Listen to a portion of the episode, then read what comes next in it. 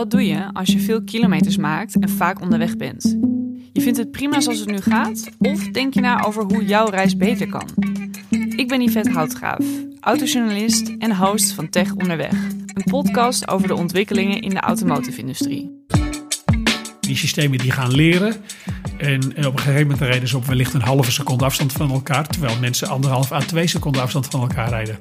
Dus ook mensen die niet een zelfrijdende auto hebben of die niet willen aanzetten in de zelfrijdende mode, die hebben de baat bij als heel veel anderen wel een zelfrijdende auto hebben en dus dicht op elkaar gaan rijden. In Tech Onderweg spreek ik met journalisten, wetenschappers en mensen die veel onderweg zijn. En hoop ik erachter te komen wat we in de toekomst kunnen verwachten op de weg. Zo spreek ik in aflevering 1 met autojournalist Wouter Karsen. De keuze is natuurlijk nu nog heel beperkt aan elektrische auto's. Zit niks bij waarvan ik, ik echt zeg maar hebberig word. Dat ik er naar kijk en dat ik zo'n auto nakijk op straat. Die denk oh ja, oh, deze, deze specificatie. Zodra er een elektrische auto komt waar ik dat wel bij heb, ja, dan, ja, dan ben, ik, ben ik zo om. Wat kunnen we doen om nu, maar ook in de toekomst, duurzamer van A naar B te komen?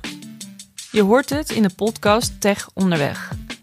Luister nu in je favoriete podcast-app.